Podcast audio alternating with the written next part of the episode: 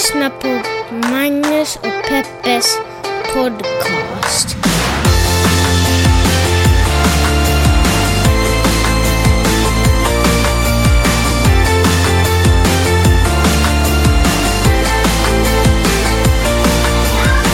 Hallå Norden!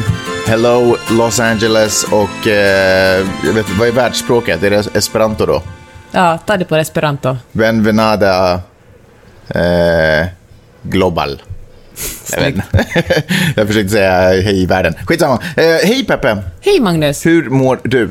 Om jag ska vara riktigt ärlig så måste jag, mår jag lite upp och ner. Mår du upp och ner? Ja. Jag mår stundvis jättebra och stundvis vidrigt Är du liksom manodepressiv? Är du det? Nej, men jag ska Är det det som äntligen är officiellt? lämna familjen om en timme. Ja. Då ska jag Alltså, åka. vi ska inte skilja oss, utan du ska ju bara åka till Sverige för några dagar. Och jag har liksom känt sån stress för det här i flera veckor. Jag Mm. tror att som min ångest kring det blir värre för varje år som går. Jag förstår. Vi är ju inte vana att vara ifrån varandra överhuvudtaget. Nej, vet du vad, det tänkte jag på igår också. Annat än när vi sover. Det, de, de enda timmarna på dygnet då vi faktiskt inte är nära varandra, det är när vi sover. Och sen när det blir kallt igen utomhus, då Ja, kommer vi att återvända till varandras jag- sidor. Då kryper jag närmare igen. Ja. Ja. Ja, men det är inte kul för mig. Nej. Plus att Maj-Lis har varit så otroligt mammig på sistone. Det är så du får inte ens ge Men henne det är väl mjölk. jättebra att du åker då, för så kanske hon kan bli lite pappig. Skapa en relation med dig också. Ja, Mm, exakt. Kanske det. Jag tror att det bara kommer, kommer goda saker. Jag har märkt att det som oftast uppfattas, eller känns som negativt och dåligt, faktiskt ändå är... ehm, det brukar ofta vara öppningen till någonting nytt och fantastiskt. Du menar när det kommer ett regnmoln så finns det kanske en silver lining där? Ja, eller när man eh, stänger ett fönster så öppnas en dörr. Ja. Eller något sånt. Nej, Carpe diem, tänker du då? Men alltså, förlåt. Jag vet ju att vi lever i en tidsålder då det är sjukt töntigt att säga klyschiga saker. Men jag tänker mig att de här klyschorna finns av en anledning. Därför att någon gång på stenåldern så var det någon som på typ något outtalat språk sa de här sakerna. Och så nästa generation har bara också uppfattat att det här var ju så jävla sant, det som min eh, farfar, du vet, The Rock Climber, eh, sa. Och så har det nu hållit på så här och därför känns det ju sjukt inarbetat. Men trots det så har vi ju väldigt svårt att ta till oss av de här klyschorna. Har du tänkt på det? Alla snackar om carpe diem och hånar och skrattar när man ser det uppskruvat på någon vägg. Men väldigt få pallar ju leva efter det. Mm. Ja, nej men... em, Fast man förstås någonstans inom sig bara känner att det är ju det rätta sättet att leva. Ja. Men vet du, jag är ju verkligen inte... Jag tror inte på horoskop eller på, på spådamer eller sånt. Men idag när jag höll på att packa och sprang kring som en dåre för att eh, hitta allt jag ska ha med mig, Då ringde du en spådam, eller? då ringde jag en spådam och hon sa att Allt. allt kommer att bli bra. hon säger det i sina kort. Nej, men då hittade jag den där GoPron som jag trodde att jag tappade bort för tre veckor sedan på stranden. Mhm. just det. Och jag har känt mig så dum för att jag tappade bort den. Ja. För jag ryckte den ur Viddes hand för höll på och var sådär att men herregud, du kommer att tappa bort den, Ja. sa jag till honom. Sen åkte vi hem och jag bara nej. Det Den måste ha trillat upp den där tygpåsen när vi åkte. Och sen har jag försökt, sen har liksom, ja, du har sagt släpp det nu, herregud, släpp det Peppe. Men jag, det har ändå liksom gnagt i mig Mm. att jag är en så otroligt slarvig människa. Jaha, att du är en slarver. Ja, det är det du kallar mig varje dag faktiskt. Åkte du tillbaka till barndomen när din pappa hette med pekfingret och sa du, Jeanette, du är en slarver. Ja, fast han kallar mig Peppe. Eh, Eller Nej. Ettan. Ja. Nej, nej, men så hittade jag alltså den och då tänkte jag så här att eh, jag tillät mig själv tänka det här är nog ett gott omen. Mhm. Nu är det liksom världsallte som säger att, eh, att allt är bra. Här får du en liten hälsning från... Så från världsalter har liksom sett din, eh, har sett dig i distress Ja. över att du ska åka iväg och egentligen upp, upp, alltså, du, du ska åka iväg och göra fantastiska saker för dig själv. Ett fantastiskt roligt retreat och sen bokmässan där du får göra fantastiska roliga saker. Så egentligen allt du ska åka på är ju en joyride. Det är inte så att du ska, nu måste du till krig nej, och så hoppas vi på att du kanske kommer tillbaka en dag. Utan du ska ju det bara skulle iväg. vara överdrift att säga att det. Du ska ju åka på någon form av eh, mental onaniresa. Nej, men, Nej, men ungefär. Allting kommer bara... jobba också. Ja, men alltså, allting allt kom- är jobb. Jo, allt är jobb. Men, det Men är reali- jobb är ju kul. Men det är ju lite att onanera också. Men, men allting, som du, allting du jobbar med gnuggar dig the right way. Ja, det är faktiskt sant. Det Eller kommer hur? vara, alltså på en teoretisk nivå fattar jag att jag är en bortskämd Ja, liten jävel men min som poäng, på det var, här. min poäng var att du ska åka på den här fantastiska resan som bara kommer sluta i att allting blir härligt och underbart och du kommer att träffa nya människor och allting du gör kommer att vuxit ännu mer. Mm. Eh, världsalltet har sett detta och bara, nej, Vi måste hjälpa. Jag ska, nu, ska jag, nu ska jag skicka en GoPro till henne.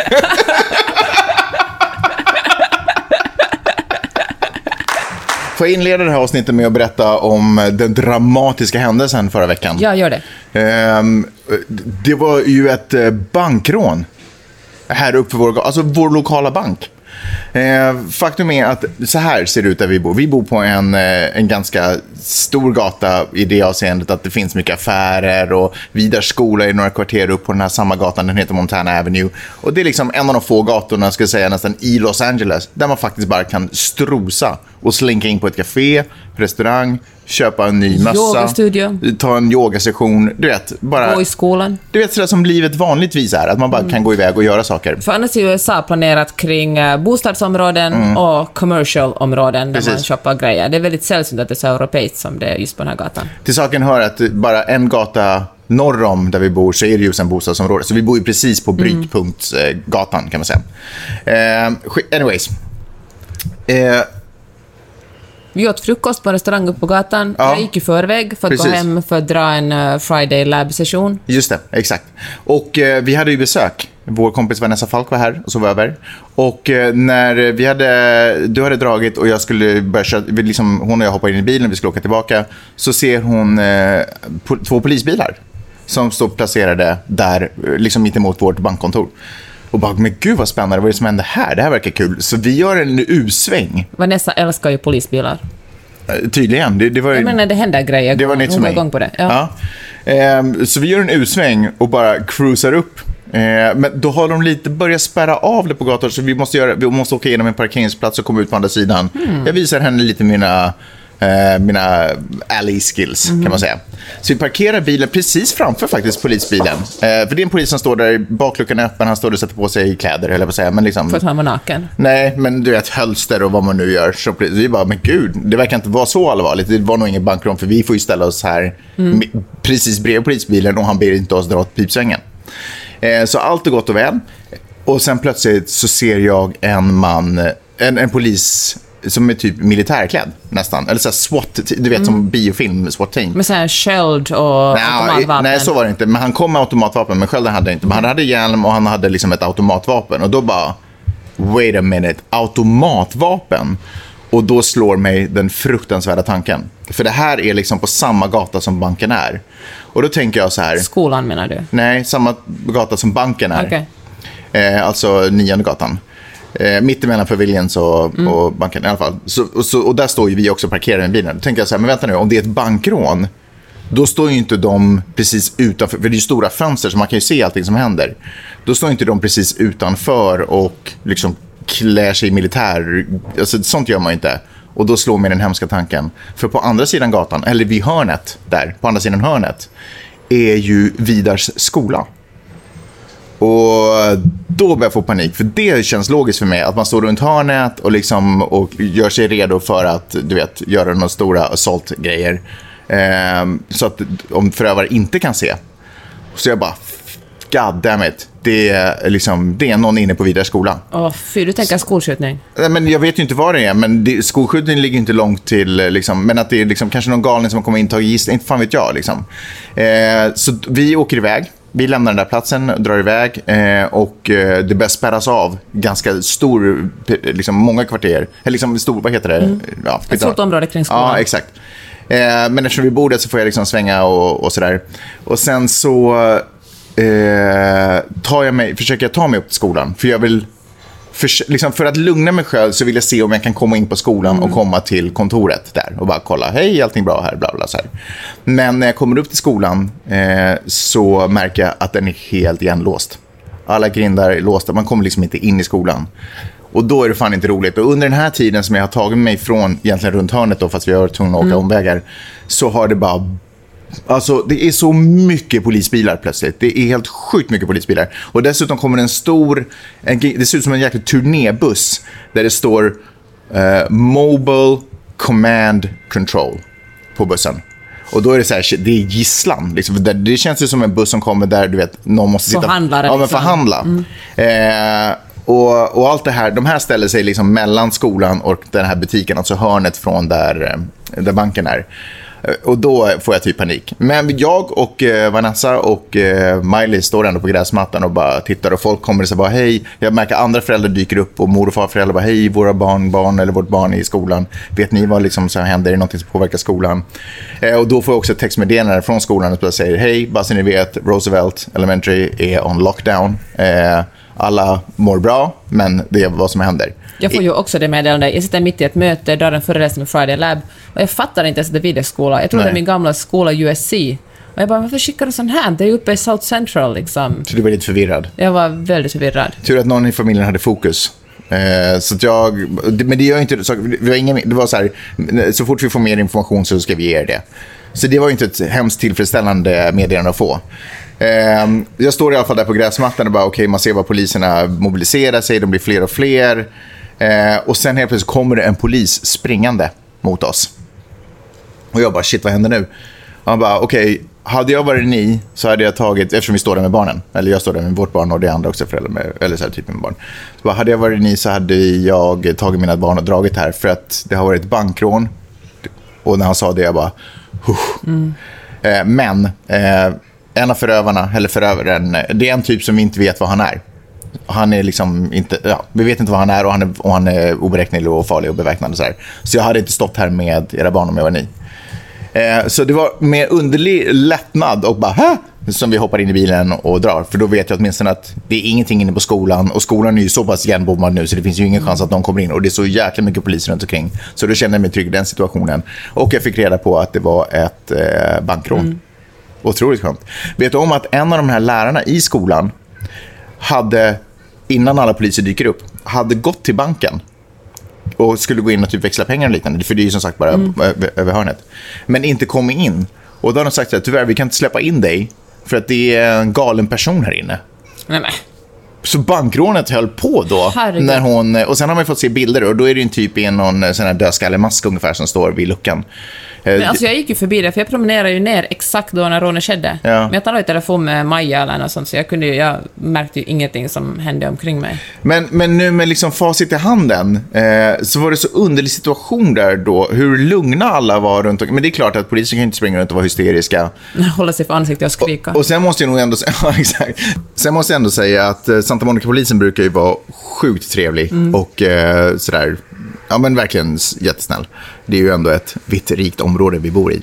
Eh, men när jag sen började rulla bort ifrån eh, där vi hade parkerat oss framför den andra polisbilen, när vi började rulla bort och liksom försökte komma bort ifrån området och vi var tvungna att åka igenom eh, eh, liksom avspärrningar. Eh, och jag liksom hade rutan ner och var så här, hey, excuse me sir, what's going on? Inte ett svar. Typ tittade bort och bara sjukt argt så här, bara pekade, åk dit, åk vidare, åk vidare, åk vidare. Så det var ju verkligen, man fick... De var fokuserade alltså. Man hade en känsla av att det var verkligen, det var fokus. Det var allvarliga saker, det var inte tid för chit-chat. Och det hade varit allvarligt inne i skolan också. Vidde berättade ju att man hade stängt alla, eller låst alla dörrar till klassrummen, släckt lamporna och så fick barnen gömma sig under bänkarna så att det skulle se så tomt ut som möjligt. Men fatta vad traumatiskt. Alltså vad är det för, vad, vad fasken var det för tv-program jag såg det här, eller vem som hade kommenterat det här. Men just att amerikanska barn drillas i, liksom egentligen terror... Alltså du vet, det, det är inte bara earthquakes och sånt här i Kalifornien, utan att alla skolbarn i USA typ drillas i vad som händer om en terrorist kommer in. Fast vet du vad, det gör man tydligen i både Sverige och Finland Gör man också. det? För jag skrev om det på bloggen och då kommenterade flera stycken och sa att det har vi också gjort i våra skolor. Men alltså tänk när du och jag var, att, att det skulle varit att nu ska, ni, nu ska vi träna på hur det går till om det kommer in en galen människa in på skolområdet.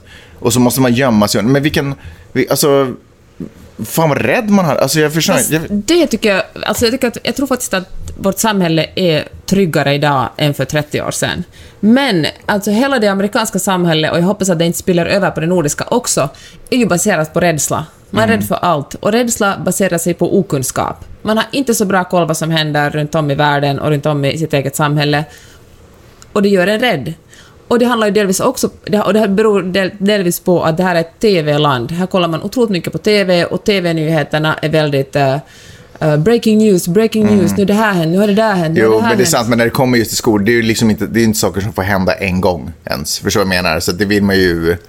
Jag, förstår vad du menar, att man bygger Du upp menar better safe than sorry liksom? I det här fallet så måste de ju göra sådana här drills. De måste göra Mm. det. Därför att det räddar ju trots allt liv, för de här sakerna händer ju på riktigt. Vet du om att när det kommer till gun violence, nu är inte det den enda formen av gun violence, utan det kan ju också handla om att folk har haft en pistol hemma som någon har hittat och i misstag skjutit. Vet. Men gun violence i USA, fler människor har dött i gun violence i USA, alltså här på, inom landet, än soldater de har skickat ut i krig genom alla tider. Är inte det sinnessjukt? Ja. Det är ju helt jäkla galet. Alltså folk är så... um, folk mår inte bra och folk är trigger happy. Och det är inte en bra grej. Och det resulterar i att våra barn drillas i hur man gör när det kommer en terrorist. Det är ju helt sinnessjukt. Ja, ja, ja, jag vet inte. Eh, hemsk tid på det sättet. Men det var det dramatiska som hände här i eh, vilda västern. Men det slutar bra i alla fall den här gången. Eh, ja, vet du vad? Jag var ju faktiskt på banken dagen efter. Skulle växla cash. Du vet, det här är också så här... Det här landet, jag tror att folk är härdade på ett annat sätt här. Jag kommer ihåg också en så här kommentar, förlåt nu, det är så många saker jag vill säga samtidigt, men eh, med liksom, som ett vittnesmål kring att folk är härdade. Dagen efter 9-11, liksom en av de största katastrofer som har hänt på amerikansk mark ändå, får man ändå säga. Eh, så, gjordes det en, så var så här, nyhetsreportrar ute och pratade med folk och då var det en dude som jag kommer ihåg som gjorde så jäkla intryck på mig. Och då var han så här, ja men hur känns det så här dagen efter? Liksom, eller vad är dina liksom, reaktioner? Du vet, folk var ju chockade. Han bara, this is a New York. This is New York. If you wanna, if, um, if you wanna live some, somewhere safe, live somewhere else.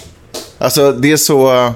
Men jag tror att många amerikaner har det där. För som sagt, när jag sa dagen efter, igår, eller dagen efter det där bankrånet, så gick man ju på stadens gator som om ingenting skulle ha hänt. Inte liksom, folk satt inte och grät någonstans eller gud vad chockade. gick in på banken, inga konstigheter. Business as usual. Det satt, stod en dam i luckan där. Hon var sådär, ja, jag har varit i den här branschen i eh, tio dagar.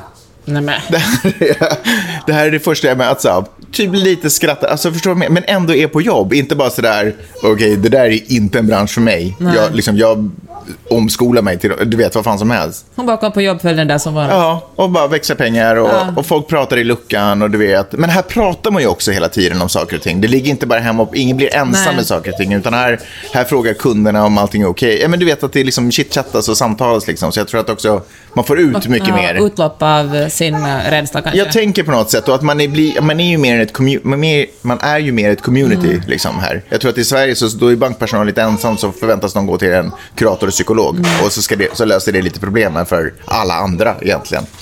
Ja. Det var dramatik från Santa Monica. Hej! Har du frågor och kommentarer så kan du mejla min mamma och pappa på Magnus och Peppe snabel A, gmail.com. Gör det!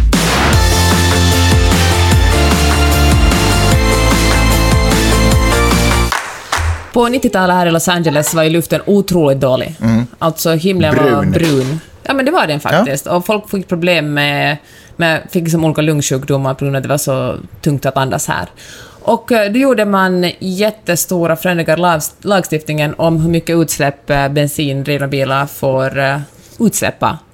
Och, Utsläppa. Nej, men så säger, vad, vad, poetiskt beskrivet. Ja, men, men det är just vad det är. Ja. Och det hjälpte faktiskt, för att eh, nu är himlen blå och det är fortfarande inte världens bästa luft här.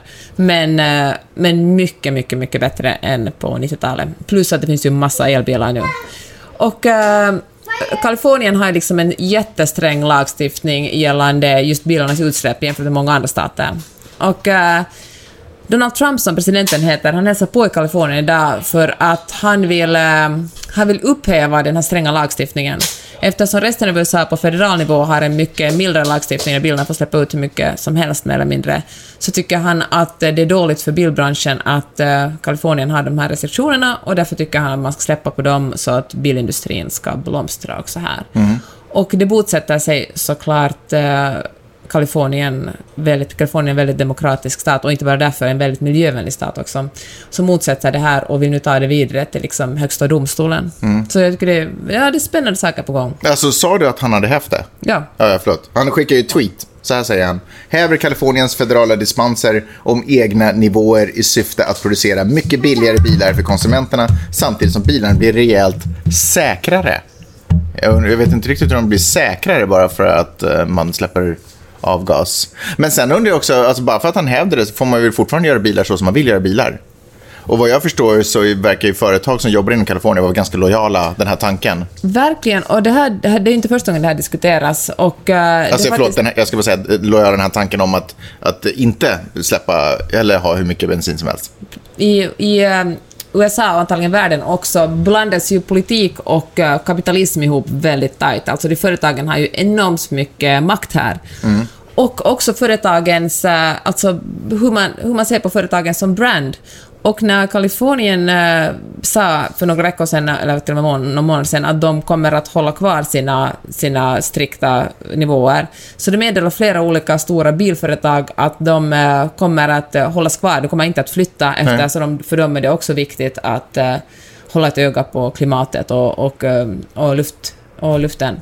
Det handlar ju kanske, ja, så, så är det väl att det handlar kanske min, lika mycket om eh, att de är goda som att de vill sälja mer bilar och, profi- och pro- profilera sig som företag som tar klimatkatastrofen på allvar. Nu kan inte jag tala för hela Kalifornien, men jag har en bild av eh, att här är ju folk otroligt intresserade av miljö och miljöpolitik och sådana saker. Jag tror att ett sådant här beslut, om det går igenom, att det är så att biltillverkarna typ måste göra bilar som förbrukar mer bensin, så kommer det bara gynna elbranschen. Elbilsbranschen. Ja, Du tänker att folk väljer Jag tror att folk elbilar? kommer välja och jag tror att det kommer också öppna upp för bilindustrin, för det, eller det kommer öppna upp en mycket större kundkrets och mycket större intresse för elbilar. Så jag tror att de kommer då i bilindustrin ha möjlighet att göra billigare elbilar. Eh, så jag tror att det bara kommer, jag, jag, jag kan inte se att det egentligen skulle få någon negativ effekt. För det är så otroligt bakåt tänk. Och jag, det känns som att i den här delstaten så har folk liksom kommit längre, alltså det blir konstigt. Det är som att eh, han, nu ska vi inte torka oss med toalettpapper längre när vi har mm. Alltså det är liksom en så bakåt-tanke. Fast då toalettpapper är kanske old school. Fine. Okej, men jag fattar vad du menar. Men, eh, Eller snarare så här, nu vill han plötsligt att vi ska torka oss med papper i rumpan. Men eh, för här i, här i Kalifornien gör vi ju inte det. Nej, det, är, Usch. Men hör du, um, det finns ju tvål och vatten. um, i USA är ju också ett stort problem att fackföreningarna eller fackförbunden är väldigt svaga. Inom vissa branscher, inom vissa liksom, nöjesbranscher är de ganska starka, men till exempel inom vissa så här, arbetarbranscher är de väldigt, väldigt svaga och det gör att arbetarna har väldigt, eh, ja men de har liksom ingen som ser upp för deras intressen. Och anknutet till det här handlar ju om att liksom flera, att ehm, en, jätte- nu kommer jag fan inte ihåg ex, den exakta siffran, men jättemånga ehm, arbetare inom bilindustrin har förlorat sin, ehm, sin eh, sjukförsäkring. Jaha. eftersom eh, bilindustrin tycker att det går så pass dåligt för dem för att folk köper andra sorts bilar och tar sig omkring på annat sätt och tycker att det blir för dyrt att också bekosta sjukförsäkringen. Och det här är något som påverkar inte bara en person utan liksom en hel familj, för ofta ligger hela familjen under en persons sjukförsäkring.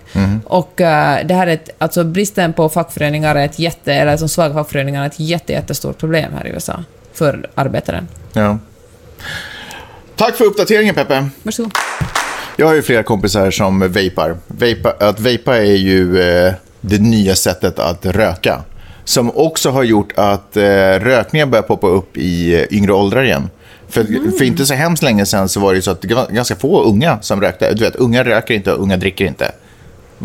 What do they do for fun? Börjar man nästan De har ju inte sex heller. De har inte sex heller. Alltså, ja. Alltså det måste... Ja, de går på teater, läser böcker och De diskuterar går poesi. inte på teater och de läser inte böcker. Diskuterar poesi, möjligen i form av kanske texter på låtar. Anyways, jag ska inte vara den som är den.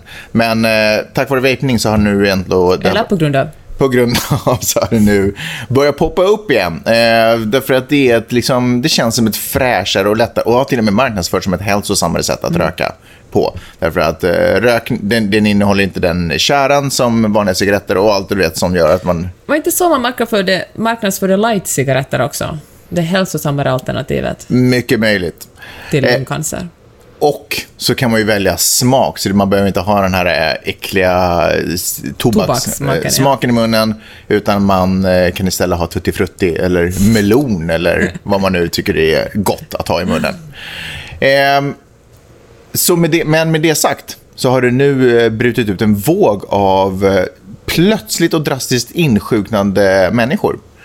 Och när jag började läsa de här artiklarna, för att jag har ju eh, stött på, eller jag har läst om liksom, fördelarna med att vapa istället för att röka cigaretter förut.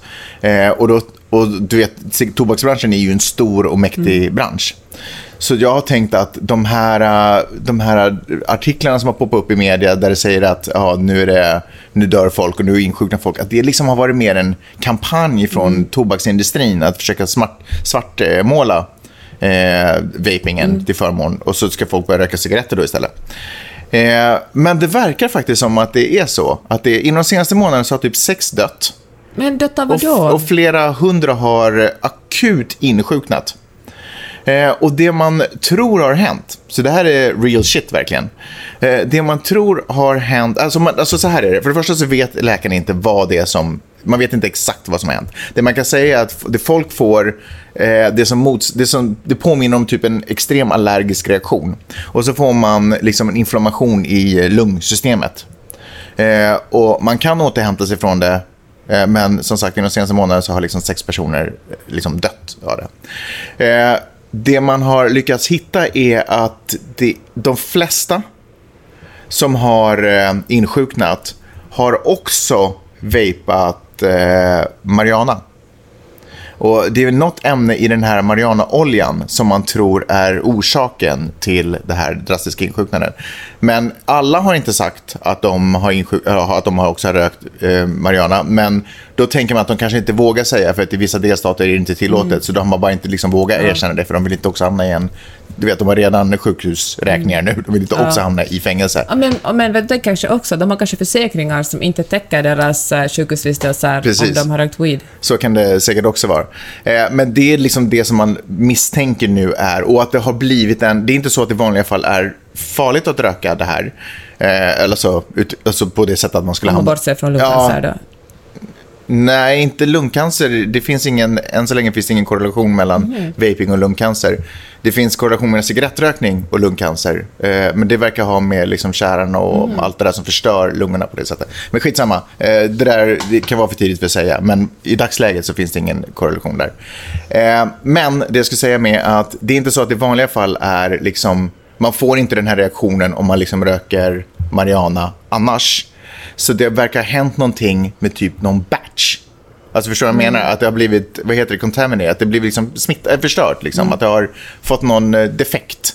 Eh, som sen har spridit sig ut på marknaden och så, och så har det liksom sålts och så har flera Eh, men har man hittat sjuka i precis hela landet eller koncentrerar Ja, men det verkar, vara, nej, det verkar vara liksom ganska spritt eh, över, inte liksom alla delstater, för så många personer är det inte. Men eh, att det ändå mm. är, man kan, man kan liksom inte hitta, man kan inte hitta märke, det finns ingen specifik eh, produkt. Eh, man kan inte hitta delstat, man kan inte hitta, liksom, du vet, det finns ingen eh, egentlig gemensam nämnare. Det enda man har, kanske nu verkar vara på spåren var, verkar att det var något någonting i den här THC-oljan som är den här berusande delen av marijuana-rökningen, mm. så att säga. Eller marijuana-plantan. Mm. Eh, oljan. Eh, någon, någon litet ämne i det här THC som verkar vara det, den gemensamma nämnaren som kan ha orsakat allt det här. Så, man måste vara, så om du är en person som vejpar, jag bara tänker eftersom det är lite poppis och inte vet jag var folk får sina vape-produkter ifrån, men kanske man lägger ner det ett litet tag. Det är i alla fall vad sådär, om det finns något hälsoministerium här i USA, det är i alla fall vad de rekommenderar. att lägg, Ligg lågt snälla med det ett tag tills vi vet vad som orsakar. För det vore ju väldigt tråkigt att bara singla ner på gatan och inte kunna andas. Nej. Tack för den varningen, Magnus. Det var så lite så.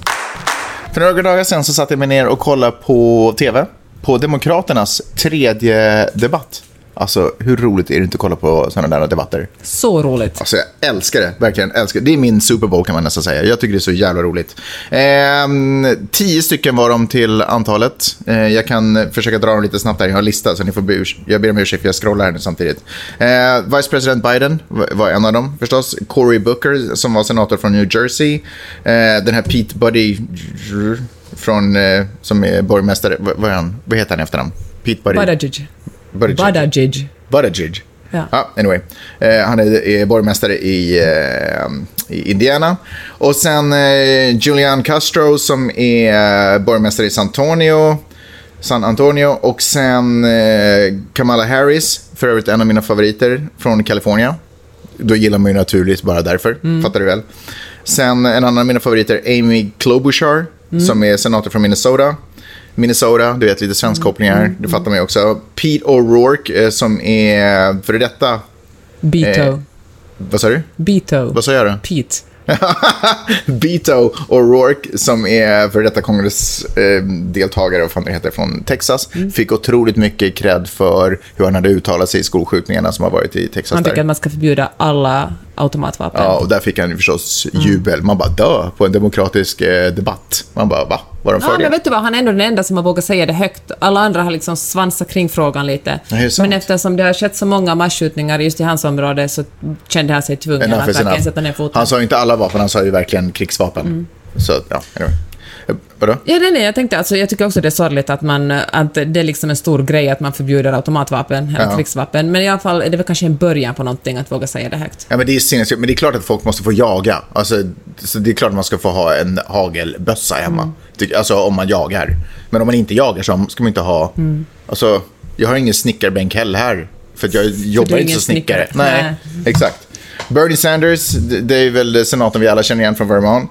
Och, eh, ska vi se vad mer. Din favorit Elizabeth Warren, senator från Massachusetts. Och eh, Andrew Yang, som egentligen bara är en business... Han är en entreprenör, va? Han är en entreprenör. Han, eh, han började ju hela showen med att bara erbjuda alla tusen dollar i månaden om, ja, jag vet inte. Men det är ju ingen, det är liksom, det är någonting man, medborgarlön, det har man ju testat i Finland också och snackat mycket om. Ja, men på det där sättet, där, jag vet inte, det var bara pajasgrej. Vet du vad som slog mig Och jag, generellt? tycker, alltså, jag tycker att det är jätteviktigt, han har ju ingen, förlåt jag säger det här nu, men han har ju ingen chans att vinna, men jag tycker det är viktigt att de kandidaterna som inte har det planterar, planterar en idé, så som Bernie Sanders gjorde i eh, förra kampanjen. Okej. Han liksom eh, normaliserade att tala om ett välfärdssamhälle, där välfärd inte är ett, eh, ett vad heter det, alltså ett, ett skällsord som det har varit tidigare Jag i. USA. Jag tycker därför det är bra, testa idéer, it. Fine, fine. Giften med Yang då. Det som slog mig när jag kollade på det här var att eh, fasiken vad kvinnorna är skarpa. De kan 100% sin skit. En annan grej som slog mig är att gud vad det här är bullshit, det jag sitter och tittar på. Det här är bara en underhållningsform. Det här är Super Bowl. Det här är bara en underhållningsform. Eh, Tycker du verkligen det? Är inte Och- ett sätt att få lära känna och försöka någon... Försöka, Nej, för du lär ju inte känna de här personerna egentligen, därför att det du lär känna är ju deras skådespel gentemot dig, därför att de uttrycker och säger saker för att jag ska fatta tycke, inte för, inte för, Nej, inte för deras kunskap. Det vet där vad? håller men jag vet- faktiskt inte med dig om. Ja, men vet, vet vad som slog mig? En av mina favoriter då, den här uh, Klobuchar. Hon var... Jag upplevde henne som... eh, jag, så här, det här var min resa i mitt huvud. Jag hör henne prata, typ för första gången i mitt liv. Jag bara, åh nej, gud vad nervös hon är. Det där känns inte bra. Och så ville jag titta på någon annan kandidat. Men sen efter ett tag, eftersom debatten gick, så bara, men vad är det hon egentligen säger? Eh, och då kände jag så här, men gud, hon har ju verkligen stenkoll på sin skit. Och det är inte så viktigt egentligen. Det borde inte vara så viktigt egentligen om hon låter nervös när hon pratar med mig.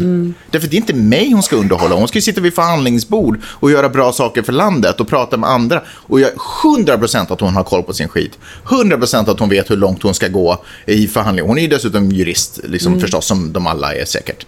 Men så, men, man blir så förlorad i det här att jag, det är viktigt för mig att jag tycker om. Men är det verkligen Ja, superrelevant? du tänker på det vi talade om i förra podden, om det här extremt individfokuserade, den här extremt individfokuserade kulturen och liksom nästan den här fankulturen. Ja. Där man vill känna mer än tänka. Men det gör ju också att om det sitter en massa amerikaner i det och det är viktigt för mig att jag känner att hon tilltalar mig. Mm. Då gör ju att då börjar ju de bara bete sig för att bli omtyckta snarare än... Förstår du vad jag menar? Men det Fast naturligtvis handlar om ja, men det är ju- värderingar ja, och... men det är ju en chans också för dem att berätta om sina egna visioner för det här landet och framförallt att ifrågasätta de andra kandidaterna. Eftersom, jag menar, de åker runt på sina kampanjer och talar inför folk så finns det ju ingen som ifrågasätter dem och ställer de knepiga frågorna. Ja, hur tänkte du då? Men har du, inte, har du tagit det här i beaktande? I en sån här debatt, det är ju där det sånt sker. Där Ja, man får jag visa kände- att man kan ifrågasätta någon som... Jag kände att det var väldigt mycket spel för gallerier. Det var alla, alla, alla frågor hade ju naturligtvis sjukt uttänkta svar. Vad tänker du göra för rasismen? Ja, men det är sjukt dåligt med rasism i landet. Det tänker vi göra så här. Det här är min plan. Fast det är väl bra med ett uttänkt jo, men det svar? tänker jag också. Men sen till exempel fanns Man den kan här... inte sitta och stå och freestyla på liksom en debatt. Nej, men om allting är regisserat, då är det som att jag bara sitter och tittar på en film. Alltså, då är det ju bara... Allting är manusskrivet. Då är det inte liksom... Då, tar jag, då skulle det vara mycket intressant att se dem på ett torg, eller du vet, få, kunna ta en direkt fråga, bara, hur hanterar du det här? Mm. Men här är allting så otroligt förberett. De vet exakt vilka frågor de ska få. De har tränat på sina svar. Helt plötsligt drar de in en historia. Det är otroligt viktigt att säga att jag är från den här hudden, jag är från Ja, den här jag, hudden. jag fattar vad du menar. Du vet, min mamma... Det är för polerat. Men det, det är liksom inte intressant, det är inte riktiga svar. Eh, en grej som, och han var ju i och för sig också, jag tyckte att han hade... Cory Booker tittar Ja, Cory på nu. Booker tittar jag på nu, alltså den här senatorn från New Jersey. Jag tycker att, fine, han hade bra, det han, de värderingar han presenterade låter jättebra. Men hela hans grej var otroligt passionerad. Han blundade och tänkte efter. Han knöt armarna, Mm. han gick fram. Sen hade han bra pointer i det han sa. Men allt, jag känner att så mycket av de här, äh, så de här äh, kandidaterna, det de säger försvinner Är in i det dramaturgin Nordbor i runt. dig nu som du tänker sådär att... För, för liksom de, Norden är ju inte de stora gesternas plats precis. Kanske det här verkligen fungerar, det känns mycket mer naturligt för en amerikansk publik. Jo, men det gör det ju säkert. 100 procent. Därför att amerikaner är ju ett, ett film och underhållningsfolk. Liksom. Men, men jag tycker att det blir så synd för att det, det, de, det riktiga budskapet försvinner in i dramaturgi och effekter. Med musik, det kunde lika väl ha varit musik och fioler när de berättade sina... Det, hade, det var liksom... Det var en teknikalitet som gjorde att det typ inte var där i bakgrunden. Och det är otroligt störande. Och det som är otroligt deprimerande i allt, för summan av det här blir ju att eh, min, en, av mina favorit, alltså min, en av mina favoritkandidater, den här uh, Klobuchar, eller vad fan hon nu heter. Får fan lära hennes namn om hon ska vara din älskling. Alltså äh, Amy, senatorn från Minnesota, är att hon kommer inte väljas. Därför att hon, kommer, hon ger förmodligen ett ut, intryck av att vara osäker och nervös. Men kanske inte själv... den här gången. Kanske hon liksom... Kanske hon ställer upp nästa gång. Whatevs man, det är inte det jag pratar om. Förstår du vad jag säger? Ja. Jag tycker det är deprimerande, för det här gör att om man inte passar in i ramen om hur man... om man inte spelar rollen som president lika bra. Alltså, Så ingen chans. Så här, någon som spelar rollen som president har större chans än någon som har ett innehåll som president. Och det eh, tycker jag... Fair enough. Jag gillar... Bra spaning, Magnus. Ja, tack. Nu är det snart dags att runda av, Peppo. Dags för dig att rulla iväg. Jag skulle tacka dig, Magnus, för att du gjorde den här podden, för jag vet att du bara gick med på det för att eh, jag skulle distrahera mig timmen före jag till Älskling, LAX. jag älskar att göra den här podden. Jag tycker det är så jäkla grymt. Men det är bara så svårt att hitta tid för att göra den. Men jag älskar att göra den. Jag tycker det är superroligt att vi har vårt lilla ögonblick där vi pratar om saker som... Vi har lärt oss i veckan. Jag pratar om saker som intresserar mig och du pratar om saker som intresserar dig. Ja, och så avbryter du mig. För dina saker är lite viktigare. Nej. Ja, ja, ja. Hör du... jag Vill du berätta så lite vad du ska göra i Stockholm? Nervös. Nej, jag, jag, gärna, det ska jag göra. Mm. Jag kommer att uh, åka till, flyga till Stockholm och där träffar jag Cecilia imorgon. Sissan alltså, min Mm. älskade Sissan. Och så tar vi färgen över tillsammans till Helsingfors. Och uh, tänk, Blir det Rajtan Tajtan på det båten blir eller? så rajtan Vi har bokat bord klockan 17.00 i restaurangen. Wow, damn. Ja. Och, eh, och på fredagen är det Friday Labs första retreat. Kommer att vara otroligt kul. Det, alltså, vi fick, alla platser är slutsålda. Sissan kommer att föreläsa om hur man bygger ett brand i sociala medier och berätta om sina framgångar och misslyckanden. Min eh, kompis Niklas Rosenberg kommer att prata om framtidens eh, teknologiutmaningar och eh, lösningar. Och han jobbar ju med att investera i liksom, techbolag. Så kommer vi att Kommer ha- folk få möjlighet att pitcha idéer till honom som han kanske investerar i? Ja, kanske det. Coolt. Och eh, ja, men så kommer Maja och jag att berätta om Friday Lab och hur vi byggde upp det och vilka misstag vi har gjort och vår filosofi bakom den. Och, och, eh, och på lördagen börjar vi med yoga till på morgonen, det finns bastu, man kan gå och doppa sig i havet. Sen kommer Petra Berg som är terapeut att tala om hur man hanterar ångest och hur man undviker att bli utbränd. Grymt. Och kunde, hon kunde faktiskt uh, snacka lite med mig nu för den här flygresan, känner jag, om det. Och eh, ja, men så har vi en massa övningar, men tanken är den att det ska vara liksom, man- det är inte som att gå och sätta sig på skolbänken och bara få en massa information, man sitter stilla i, i två dygn, utan det ska vara så här skönt, när man åker hem ska man känna sig utvilad och glad och, eh, och eh, full av energi och massa nya idéer och, och sådär. Och så äter vi middag på Yes Yes Yes på kvällen. Och sen är det bokmässa. Och sen, är det bok, sen åker jag till Stockholm, träffar min mamma, min syster och lite annat folk på söndag kväll. Sen åker jag till Stockholm och sen är det bokmässa och sen har jag säkert 15 olika uppdrag. Vilka ska du träffa på bokmässan? Jag ska, jag ska luncha med Bonnier, det ska bli väldigt spännande. Så ska jag intervjua bland annat Katarina Wenstam. Och så ska jag intervjua en massa finlandssvenska författare. Och så ska jag intervjua, jag ska göra en, eh, mellan raderna ska jag göra där med, eh, med Ellen Strömberg och Maria, fan jag kan inte uttala hennes namn. Jag måste öva på att uttala tills jag verkligen presterar henne. Verkligen. Mausbash. Mau. Ja. Mausbars. Okej, det lät ju hemskt. Okej, ja, jag. Och, ehm, ja, men det skulle, och så är det förlägsmiddagar och så bjuder Göteborgs stad på någon slags eh, event. Det låter som att du kommer ha magiska veckor. Vad är det, vad är det ångesten då? No, mest är det faktiskt det att det är så långt borta. Det känns så hemskt att gå genom säkerhetskontrollen på flygplatsen och veta att nu kommer jag att åka en hel kontinent och ett världshav från er. Och Maj-Lis kommer att skrika som en dåre i bilen när, när jag stiger ut. Ja, men det kommer gå över några minuter senare för hon och jag ska åka och köpa en iPad sen. Ja, det är ditt sätt att vara förälder. Ja, kvar. så är det. Så är det. För jag behöver lugn och ro de här veckorna så jag kan jobba. Fair enough, det ska ni göra. Det kommer Okej, gå superbra. Hur ska, hur ska du eh, se på det här nu så att det inte kommer kännas så hårt? Jag ska se vilken otroligt privilegierad person jag är som får göra allt det här och dessutom ha en familj som väntar på mig hemma i Los Angeles. Mm. Fan, jag får ändå säga it's good to be me, Magnus. Det är det verkligen. Och sen, och det här kan vara lättare sagt än gjort förstås, men jag tycker inte att det heller att du ska, för det är ju en magisk resa du ska åka på med alla de här människorna och allt det du får göra. Och du ska inte, liksom, förstör inte den fantastiska upplevelsen, eller lägg inte lock på den fantastiska upplevelsen genom att hela tiden tänka på andra saker som finns runt omkring som också är magiska. För de är också tillgängliga sen efter. Du menar att jag inte ska längta hem när jag är där? Nej men alltså foka på det du gör, njut av, njut, Ah, du vet. Carpe diem. Carpe diem motherfuckers. Så är det.